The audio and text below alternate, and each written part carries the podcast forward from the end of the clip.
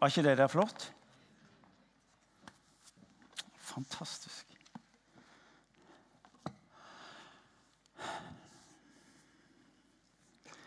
Um, det var rett og slett nydelig. Den siste der var ja, det var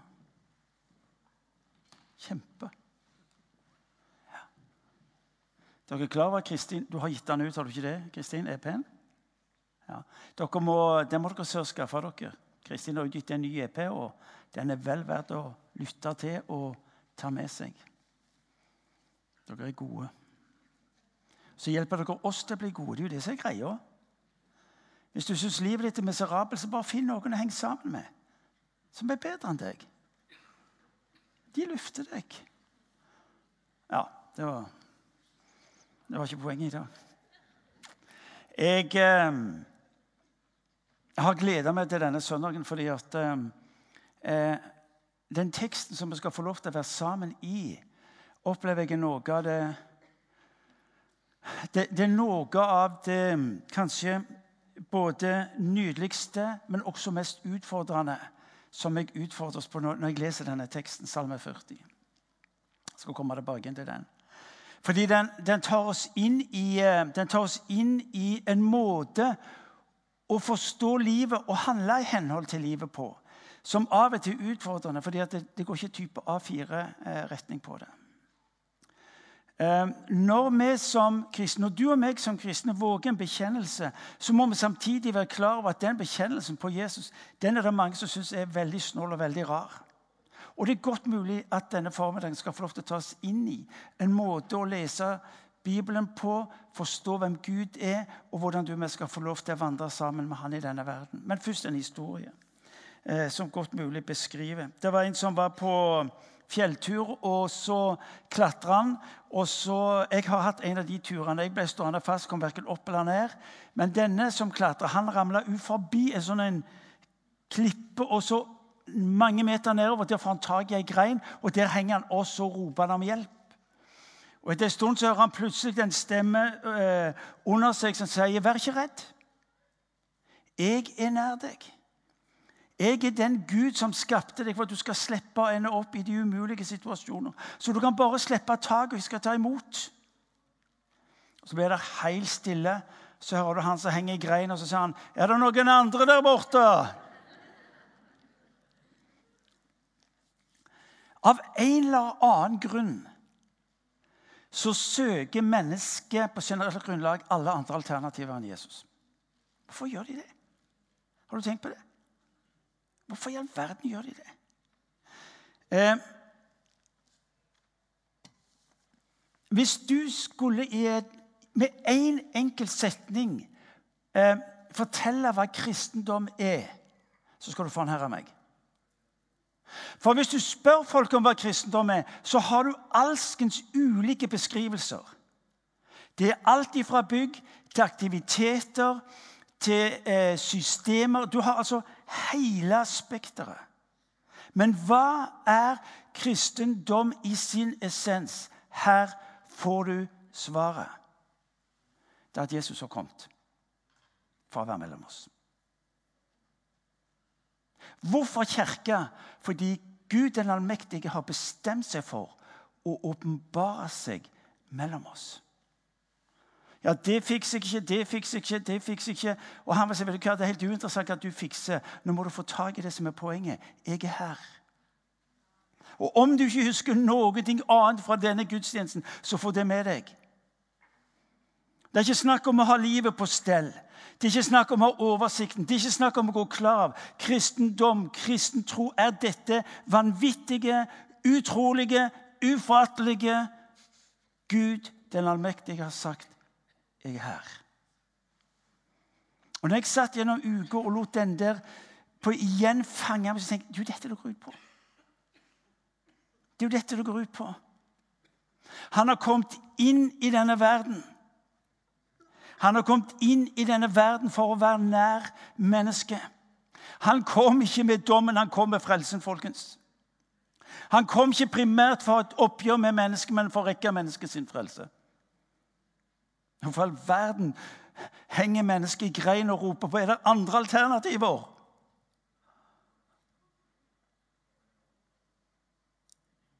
Er dere med meg?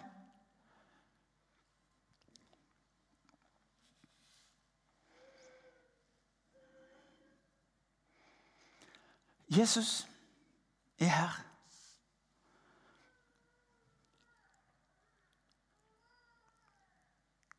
Ikke på, grunn, ikke på grunn av at du og meg holdt mål på en eller annen måte, men fordi han elsker.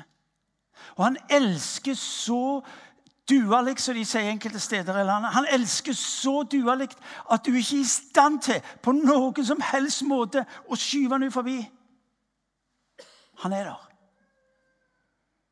Det er ingenting ved deg som gjør at han vil elske deg mer eller elske deg mindre. Det er ingenting ved deg som gjør at han trekker seg ut eller er mer Han er det, han sagt. Uansett.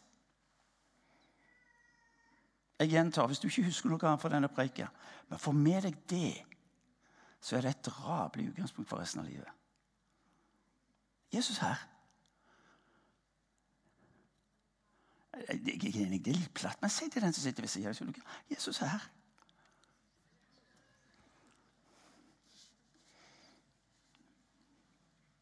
Evangeliet folkens, er at Gud handler inn i denne verden. Og han bestemte seg for å gjøre det fordi han elsker. Han handler inn i denne verden fordi at han elsker. At jeg ikke forstår det, det er mitt problem. Men ikke gjør det til hans. Han er her. Og nøkkelen og er altså nøkkelen til å forstå alt som har med kristendom å gjøre. For det betyr at hvis sannheten er, virkeligheten er Kristus har kommet inn i denne verden, så blir han på et vis også utgangspunktet for alt det andre. Skal du og meg forstå Guds ord, må vi forstå det i et perspektiv av Gud har handla inn i denne verden. Hvis du og meg skal våge å leve et trosliv, så må det være i forståelse av at han er mellom oss i denne verden. Og skal du og meg forstå hvordan det hele tatt er mulig å skulle være en del av Guds misjon inni denne verden, så er, det, så er det å forstå at han er med oss og går foran oss i denne verden. Kjære Gud, for en forskjell! Enn jeg skulle få litt overgitt en arbeidsbeskrivelse som sier OK, Mr. Cave, here's the job. Move on. Det ville vært mission impossible. Men hvis jeg får være med den rette, da er faktisk alt mulig. En Gud som har kommet nær. En Gud som har steget ned. En Gud som blir værende. Uansett. Samme søren. En Gud som har kommet ned, og som ble værende. Vet du hva? Romerbrevet kapittel 8. Dere vet at det, det, det, det, er det mest ubegripelige, men så altomfattende som jeg vet om. Ingenting kan skille deg, Martin, fra min kjærlighet. Står det? Ingenting. Han blir værende. Han blir værende. Ingenting Martin, kan skille deg fra min kjærlighet. Ingenting. Og så begynner du med våre regnestykker og tenker ah, Kom an. Sorry. Jeg ble værende. Kristendom er budskapet om en Gud som blir værende. Gitte.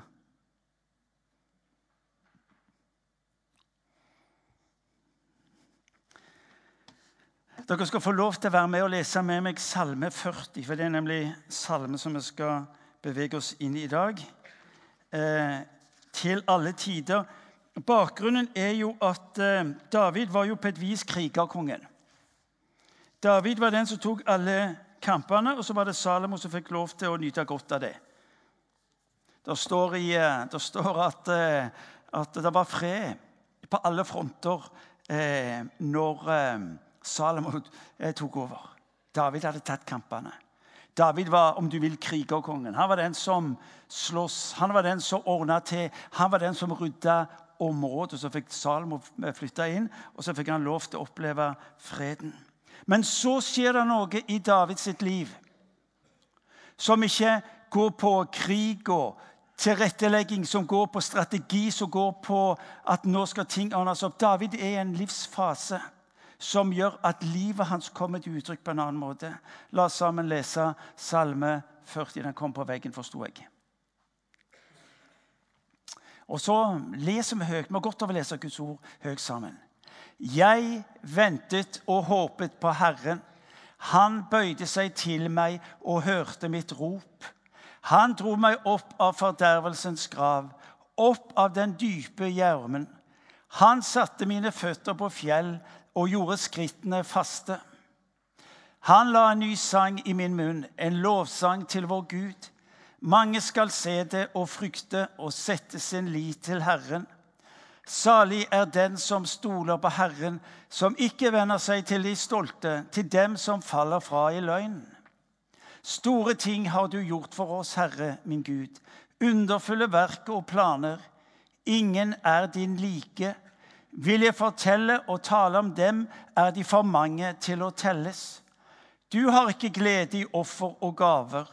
Du har åpnet mine ører. Brennoffer og syndoffer krever du ikke. Da sa jeg, se her kommer jeg. I bokrullen er det skrevet om meg. Min Gud, å gjøre din vilje gir meg glede. Din lov er dypt i mitt indre. Jeg forkynte rettferdig i den store forsamlingen. Leppene holdt jeg ikke lukket. Herre, du vet det. Din rettferd holdt jeg ikke skjult i hjertet. Jeg talte om din trofasthet og frelse. Jeg skjulte ikke din miskunn og sannhet i den store forsamlingen. Herre, du vil ikke holde din barmhjertighet tilbake. Din miskunn og din sannhet skal alltid beskytte meg. For talløse ulykker omgir meg. Mine synder har nådd meg igjen. Jeg kan ikke se. De er flere enn hårene på hodet. Motet har sviktet meg. Vis godvilje, Herre, og fri meg ut, Herre. Skynd deg og hjelp meg. La alle som står meg etter livet, bli til skamme og til spott. La dem som vil meg vondt, trekke seg tilbake uten ære. De som ler og håner meg, skal bli slått av skam. La alle som søker deg, fryde og glede seg i deg. La dem som elsker din frelse, alltid si, Stor er Herren. Men jeg er hjelpeløs og fattig. Herren skal tenke på meg. Du er min hjelp, du berger meg. Drøy ikke lenger, min Gud. Vi møter David i ei vanskelig tid i livet.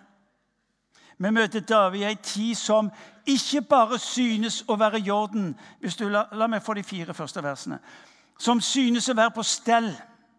Det som vi ofte gjør når vi leser Salme 40, det er at vi leser de fire første versene og tenker vi, OK, der var det på plass. Livet var perfekt. Ingen problemer. Og langt ifra. Hvis du leser videre utover, så så du at å nei, han var ikke ferdig med problemene. David gir oss et møte med sitt eget liv, et møte som uttrykker at han har vanskeligheter, og vanskelighetene går ikke forbi. Det ordet som jeg vil du skal få tak i i dag, mer enn noe annet, det er ordet 'jeg ventet'. Jeg ventet i den gamle oversettelsen, så gjentas det i neste setning. Jeg ventet, jeg ventet på Herren. For mange av oss så er venting såkalt spolert tid. Venting, hør nå, venting er den viktigste fasen i ditt og mitt liv.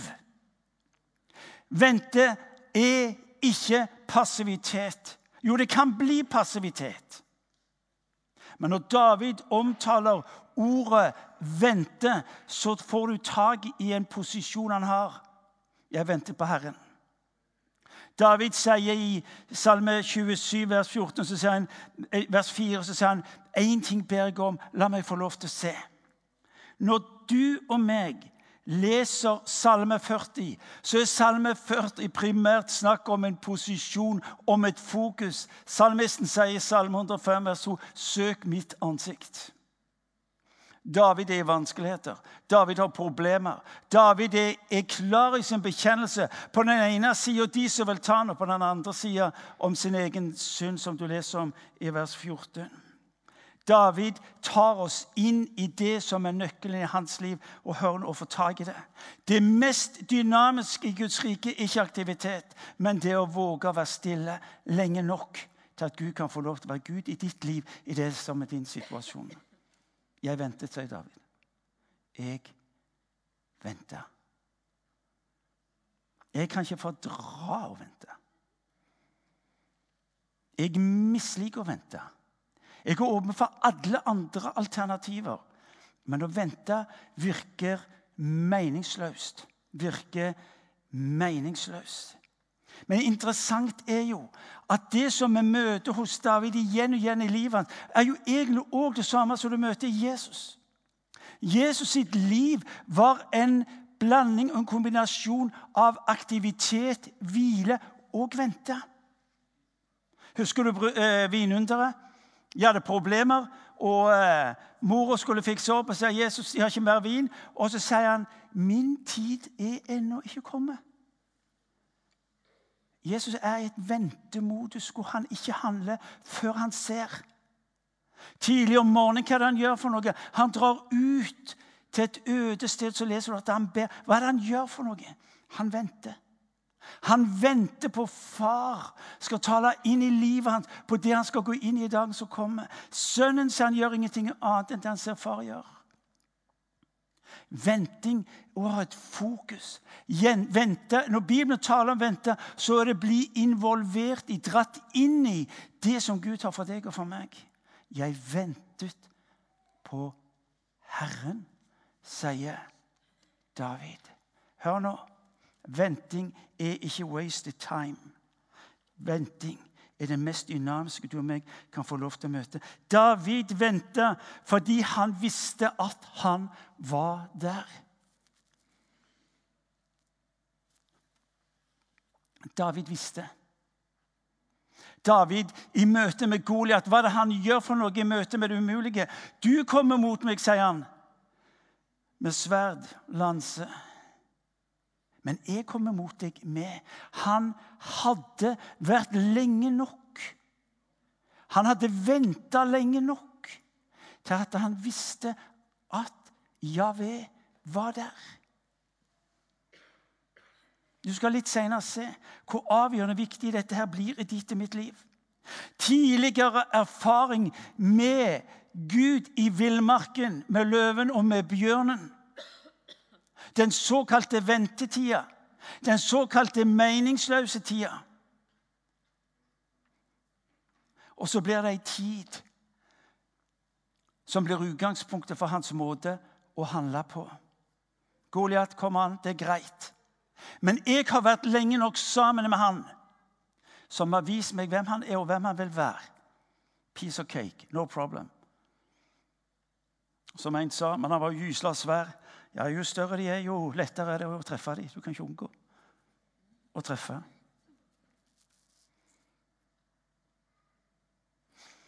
David venta i mange år, han, før han fikk den plassen som Gud hadde lovt han.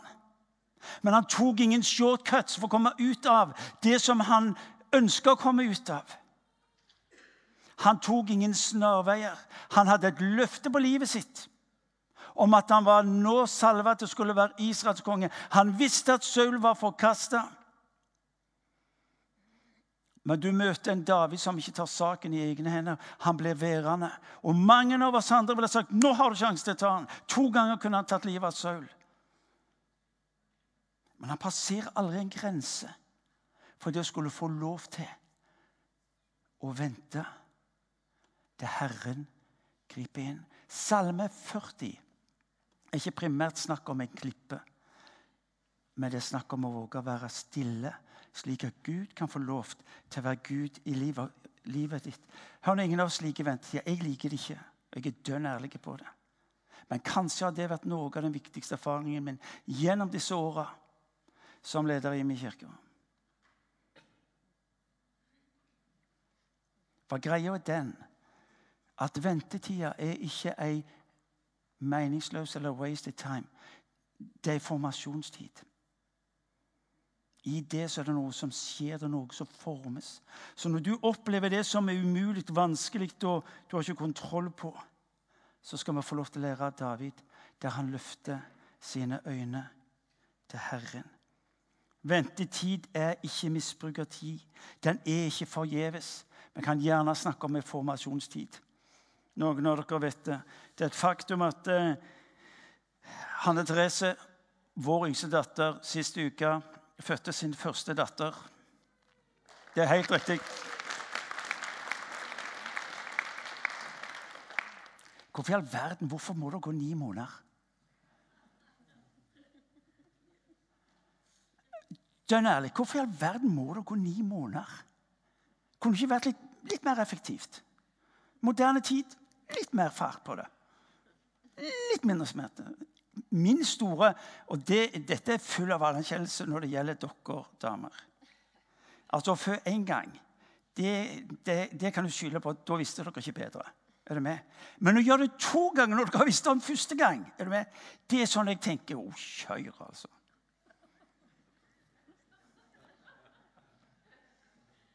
Men ni måneder Og jeg husker Irene sin tid, dvs. Si min kone sin tid. Hun spydde noe så grassat de første tre månedene at jeg lurte på om er det noe mer igjen der inne. Altså av alt andre systemet òg. Altså.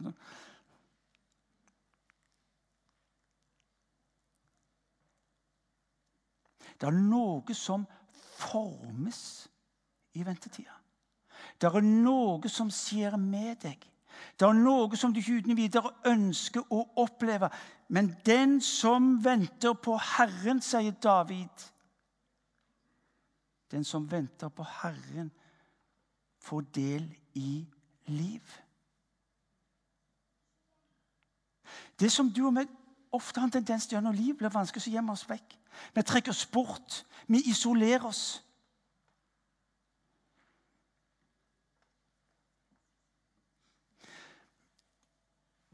Dette var noe av alvoret når, når, jeg forberedte. Er det slik at vi mister, vi mister klippen som vi skulle forstå på, fordi vi mista fokus i livet vårt? David hadde lært fra ungdommen av at Gud var nær i møte med bjørnen og løven. Han visste at når han skulle møte en Goliat, så var han ikke redd fordi han visste at Herren, allherrs Gud, var med han. Men gjennom disse åra har jeg møtt så mange av de som hadde erfaringen av en Gud som var nær. Når livet ble vanskelig og krevende, så ble fokuset mitt et annet. Og så mista jeg det.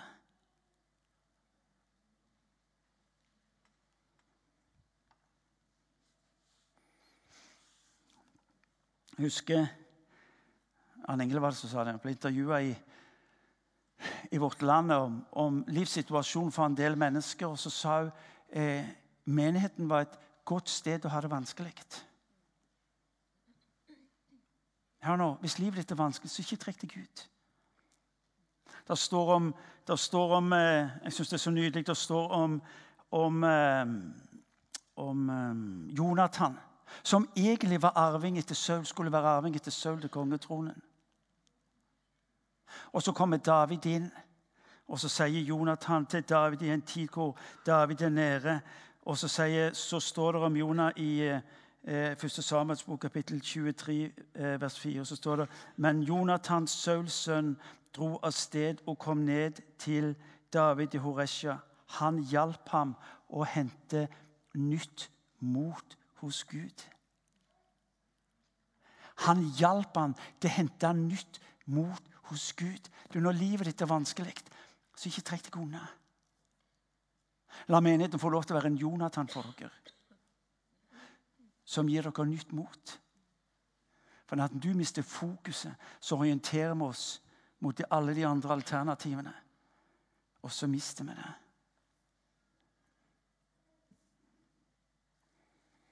Ingen av oss tror på kjappe løsninger. Livet er for komplisert til det. Men det vi lærer av David, det er at han venta. Formuleringen er han hadde ett fokus. I de vanskelige tider og i min vanskelige tid, sier David, hadde jeg én ting å gjøre, og det er å vente på Herren. Ventetida liker vi ikke. Vi venter og møter den forskjellig. Men du og meg vil alltid i livet være utsatt for ventetida. Så leser vi i vers 3.: Han dro meg opp av fordervelsens grav, opp av den dype gjørmen. Gud vil alltid søke ikke å dra opp Hør nå. David hadde ikke hele bildet. Han var vant med offerordningen. Han var vant med lammet som ble sendt ut i ødemarken. Du og meg, du og meg får lov til å tro på en Gud som ikke gir eh, tips om hvordan fikse livet. Det står om han som steg ned. Evangeliet om Jesus Kristus, folkens, det er at han ikke rekker ut ei hånd, men han går under for å bære. Den Gud jeg tror på og jeg tilber, er en Gud som bærer. La ham få lov til å bære i dager og tider hvor du syns livet er gyselig. Han har steget ned. Det er den Gud jeg tror på. Han har steget ned. Han tok min hånd, tok meg opp. Yes, det er et godt bilde, David. Men hadde du sett hva som skjedde på korset, hadde du visst hva som Gud gjorde med Jesus, så hadde du skrevet det andre. Så hadde du skrevet Har jeg rett? Det er klart jeg har ikke rett, men jeg får lov til å tro det. Da hadde det stått at han steg ned, gikk under, og så løfta han opp.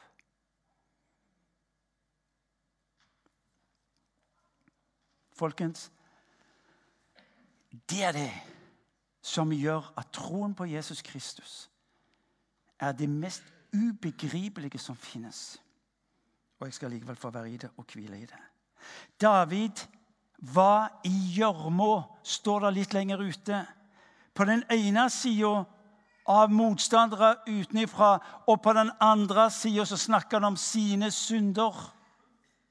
Det er ikke slik at hvis, hvis, hvis kampen utenfra er rett så vil Gud handle inn. Men hvis det er bare graps og elendighet i eget liv, så trekker han seg unna. Hør nå, Gud, Gud driver ikke med de regnestykkene.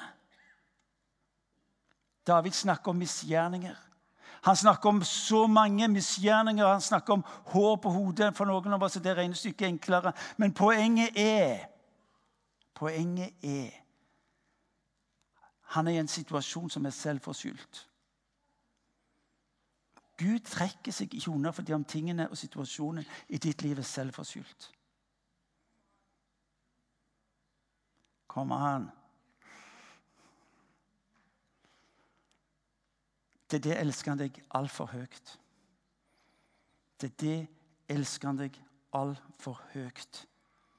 Og så er det underlige med David at midt i det som er situasjonen selvforskyldt, så våger han én bekjennelse. Jeg venter på Herren. Der du og vi skulle tro han ville trekke seg tilbake, og så våger han å si 'Jeg venter'. Og så kunne du si men det var jo de skyld. Jeg er klar over det var min skyld. Ja, Hvis du bare hadde gjort det annerledes, så er jeg klar hvis jeg hadde gjort det annerledes. Hvis bare du, Så har vi alle disse berømte ordene som forteller hvis vi bare hadde gjort, vært opptrådt annerledes så Nei. Han opererer ikke i den sfæren. Han har steget ned. Han har steget ned, og han trekker seg ikke unna. Noe av det vanskeligste for deg og meg det er å tro Guds tilgivelse på våre liv.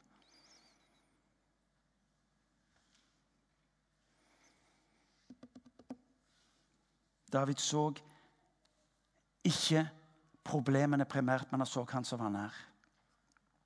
Og det er mange vitnesbyrd på det.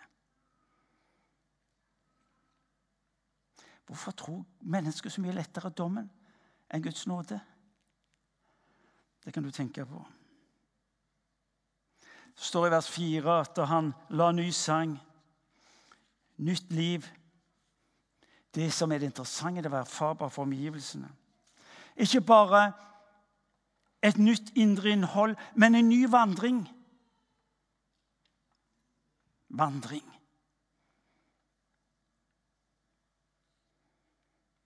Han gjorde mine skritt faste. Sangen har alltid fulgt kirka. Vet du hva? Det er din tilbedelse. Det er den som smitter og tiltrekker. Den du tilber, former nemlig ditt liv. Når din bekjennelse, når din tilbedelse blir Kristus, han du venter på, selv i de vanskelige tider så skjer det noe. Det skjer en forvandling i ditt liv, og det skjer en forandring i omgivelsen. En gang til. Der du og meg kan velge klagesangen i det umulige møtet med en David som våger bekjennelsen. Du har lagt en ny sang i min munn. Den du tilber, det du tilber, former ditt liv, og ut ifra det formes du til å bli det Gud har for deg, og det han vil du skal være for andre. Din tilbedelse, folk, hør nå, den setter deg fri. Du kan la tilbedelsen gå på det som skulle vært annerledes. Du kunne la tilbedelsen gå på det som var vrangt umulig. Da kan være Tilbedelsen din kan gå på de menneskene som ikke innfrir dine forventninger. Det kan jeg fortelle dere, folkens. Som pastor har jeg mange forskjellige utgaver av tilbedelse. Men du skal være klar over den binder deg, eller den setter deg fri. David i sin bekjennelse der han satt i fordervelsens grav, i gjørma, hadde han en bekjennelse som tok han inn i et fokus som satte han fri. Tilbedelsen setter deg fri. Det du tilber, det du tilber, setter deg enten fri løftesordet i vers 12 som vi leste. La oss få det med. Herre, du vil ikke holde din barmhjertighet tilbake. Din miskunn og din sannhet skal alltid beskytte meg. David har en bekjennelse, David har en tilbedelse. Dere hørte, husker jeg sa dette for noen uker siden. Guds løftes ord på deg er ditt utgangspunkt for tilbedelsen. Hva skal jeg tilbe om? La Guds ord få lov til å være utgangspunktet. Og så blir altså David på den ene siden som du leser om i vers 2 han, han, tok meg opp og satte mine føtter på en klippe. I vers 14 så leser du at han fremdeles strever med kampen og, og det som er vanskelig. Og så bekjenner han inn i dette. Men, sier han, men Herre, du vil ikke holde din barmhjertighet tilbake. Kan jeg få lov til å utfordre dere? Ta med dere vers 12 i uka som kommer, og la det være din bekjennelse, la det være din tilbedelse. Og du vil oppdage at det du hadde av problemstillinger og utfordringer, det er ikke sikkert at det ble mindre, men det ble en bedre plass å være. Husker dere hva han engelsk sa? Det var en god plass å ha det vanskelig.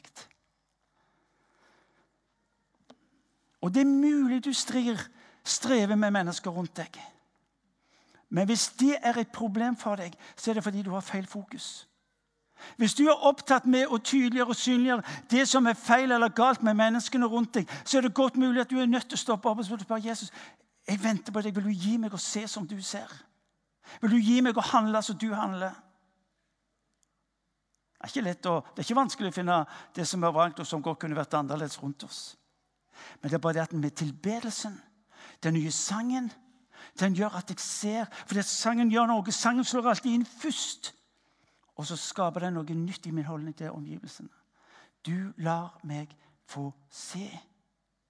Din tilbedelse setter deg fri, eller den binder deg. Du tilber, folkens, enten du vil det eller et eller annet. Du velger hva. David valgte, og så bekjenner han jeg venta på Herren. Ventetida er ei tilbedelsestid, folkens. Ventetida er ei tilbedelsestid. Jeg sier ikke han er lett. Jeg sier ikke at tingene løses. Men tilbedelse betyr å la Han få lov til å være Gud i mitt liv i de vanskelige tidene. Fordervelse gjør meg, mine misgjerninger Hør nå. Ikke slutt å vente fordi om det var du som synda eller falt. Ikke slutt å tilbe fordi om det var du som var årsaken til det galne som skjedde. For der hvor du lar Han være tilbedelsens kilde i ditt liv, vil du også oppleve at Han tilgir, rekker deg sin nåde og lar deg få lov til å starte på nytt. Noen av dere er i ventefase nå. Noen av dere er i livssituasjoner hvor du tenker at søren òg, kunne jeg bare Hadde det bare vært. Dere er i en ventefase. Og jeg vil ikke, gjøre, jeg vil ikke være overfladisk med den. For noen av dere er det dramatisk. For noen av dere er det kanskje ikke fullt så krevende. Men det jeg vil du skal høre, at der du er i din sterke ventefase så ønsker han å la meg få lov til å være tryggheten i ditt og i deres liv. La meg få lov til å være tryggheten. Hvorifra dere henter hjelp og støtten på det dere møter. Jeg er ikke der ute. Jeg er dere nær. Så nær at ingenting kan skille dere fra min kjærlighet. Hva skal vi gjøre, sier du. Bare vent. Vær stille og vit at jeg vil være Gud i livet ditt. Det er en Guds bevegelse mot oss, uansett forhold. Hans løfte mot oss, hans løfte om å være nær. Herre, hør nå igjen. La tilbedelsen denne uka få være vers 12. Herre, du vil ikke holde din barmhjertighet tilbake. Din miskunn og din sannhet skal alltid beskytte meg.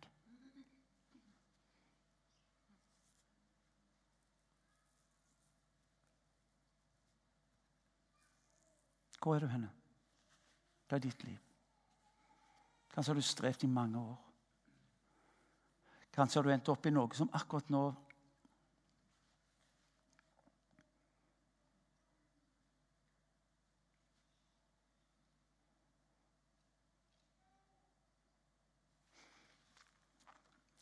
Hva han lovte deg, er det han gir deg. Hva han har lovt, er det han gir deg. Jeg vil dere skal få lov til å treffe Dere allerede møtt henne. Jeg visste ikke det var Anne som skulle lede. Men Anne delte med meg et vitnesbyrd eh, tidligere i uka som gjorde inntrykk på meg. Jeg tenkte det der må dere få høre om. Anne, du må komme opp. Eh, for det første så er hun ei flott dame. Det mener jeg om.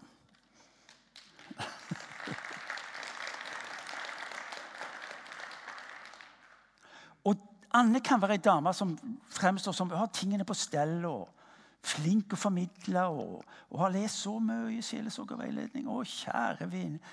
Alt er på plass. Og så forteller hun siste uke. Så det er navn på en tid i sitt liv som var svært krevende. Hva var det som skjedde henne? Martin delte Oi.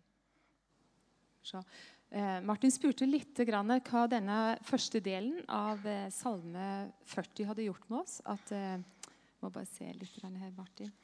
Ehm. Ja, nå ser jeg ikke vet uten briller. Kan ikke du bare lese det dere løftet meg opp? Ja. ja. Han dro meg opp av fordervelsens grav, opp av den dype gjørmen. Han satte mine føtter på fjell. Ja. Eh, og Da tenkte jeg tilbake. For en 10-15 år siden så var jeg en god del deprimert. Eh, og jeg eh, følelsen av å være forlatt var noe av kjernen i den depresjonen. Eh, og når du spurte Martin litt hva den salmen har gjort med meg, så merker jeg at den salmen var en av de salmene som gjorde noe med meg, og som hjelpte meg opp av den fordervelsens graven. For Gud har sagt at min identitet den er ikke å være deprimert. Min identitet den er å være Jesus Kristus. Så når jeg leser den salmen, så kjenner jeg at det gjør noe med meg. Eh, og jeg har møtt noen sånne perioder i livet der jeg har hatt utfordringer. Eh, det vil si at Gud har nødvendigvis ikke eh, fjerna smerten. Men jeg har fått lov til å ta tak i de ordene som gjør at jeg kjenner at Gud holder meg, bærer meg og løfter meg. Og løfter meg ut av situasjonen. For min del så løfter han meg ut av depresjonen. Og det er jeg stor eh, takknemlighet til Gud for. Det er bare fantastisk. Eh, samtidig så har jeg fått lov til å gjøre noe av det som står i Jeremia 15, 16. Der står det Jeg fant dine ord og spiste dem. Dine ord ble til fryd for meg og til glede for mitt hjerte. For det er noe med at eh, Guds ord er sannheten om mitt liv, om ditt liv. Eh, og så har jeg fått lov til å spise Guds ord, og så har det gjort noe med meg. Så en sum det du sier, at når depresjonen både den gangen kom, og senere når du utfordres på den i livet, så sier du at det er Guds ord du forholder deg til. Guds løftesord, hans løfter på ditt ord. Ja, det vil jeg si, og da søker jeg ofte Gud. Mm. Eh, og han er jo å finne. Han sier at han er kilden til alt liv. og Det har jeg erfart. Eh, og så må jeg spise de ordene som Gud har gitt meg. Og så har jeg opplevd gang på gang at han løfter meg ut av situasjonen. Eh, og, eller at han er med inn i situasjonen. Det er iallfall det jeg har erfart. Ja. Skal vi gi Anne en god klapp?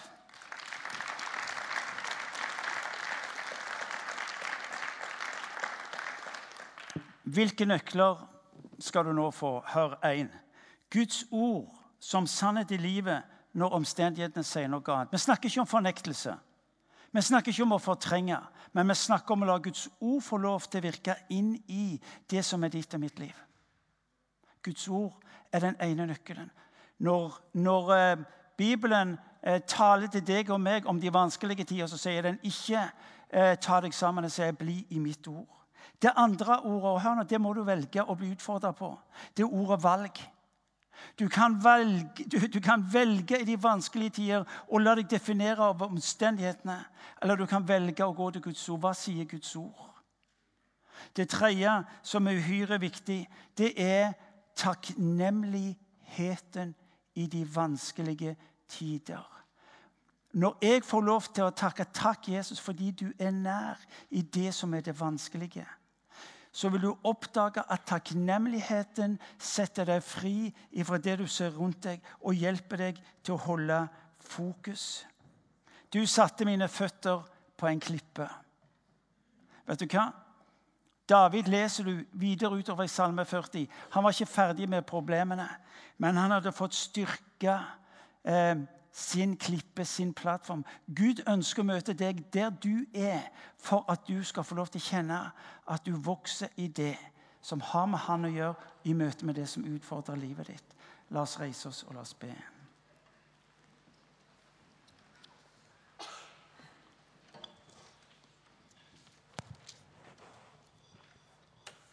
David sier i sin bekjennelse i vers 18 i kapittel 40 at Herren skal tenke på meg. Herren skal handle mot meg, er det som er Davids bekjennelse.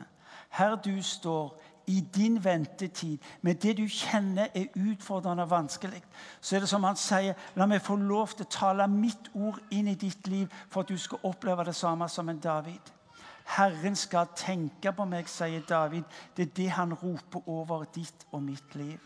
Herren skal tenke på deg og på meg. Så ber vi Herre Jesus Kristus, her vi står innenfor ditt ansikt. Du kjenner oss, du vet hvem vi er. Far, du ser hvilke faser vi er i livet. Du ser situasjoner vi opplever. Du ser eh, enten det er mørkt eller det er forvirring, enten det er det håpløse. Herre, du er den som ser det vi ber i ditt navn.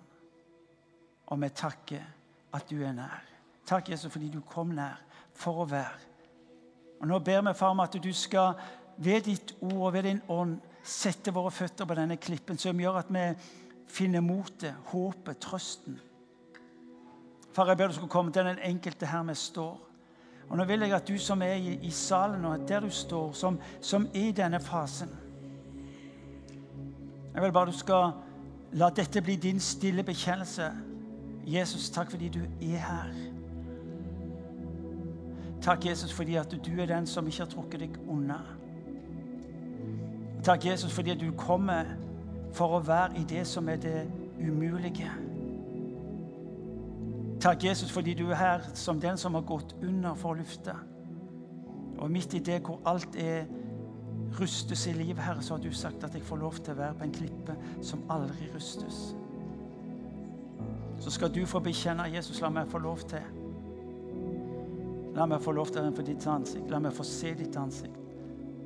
La meg få være i ditt ord, Herre, som taler liv. Jeg ber.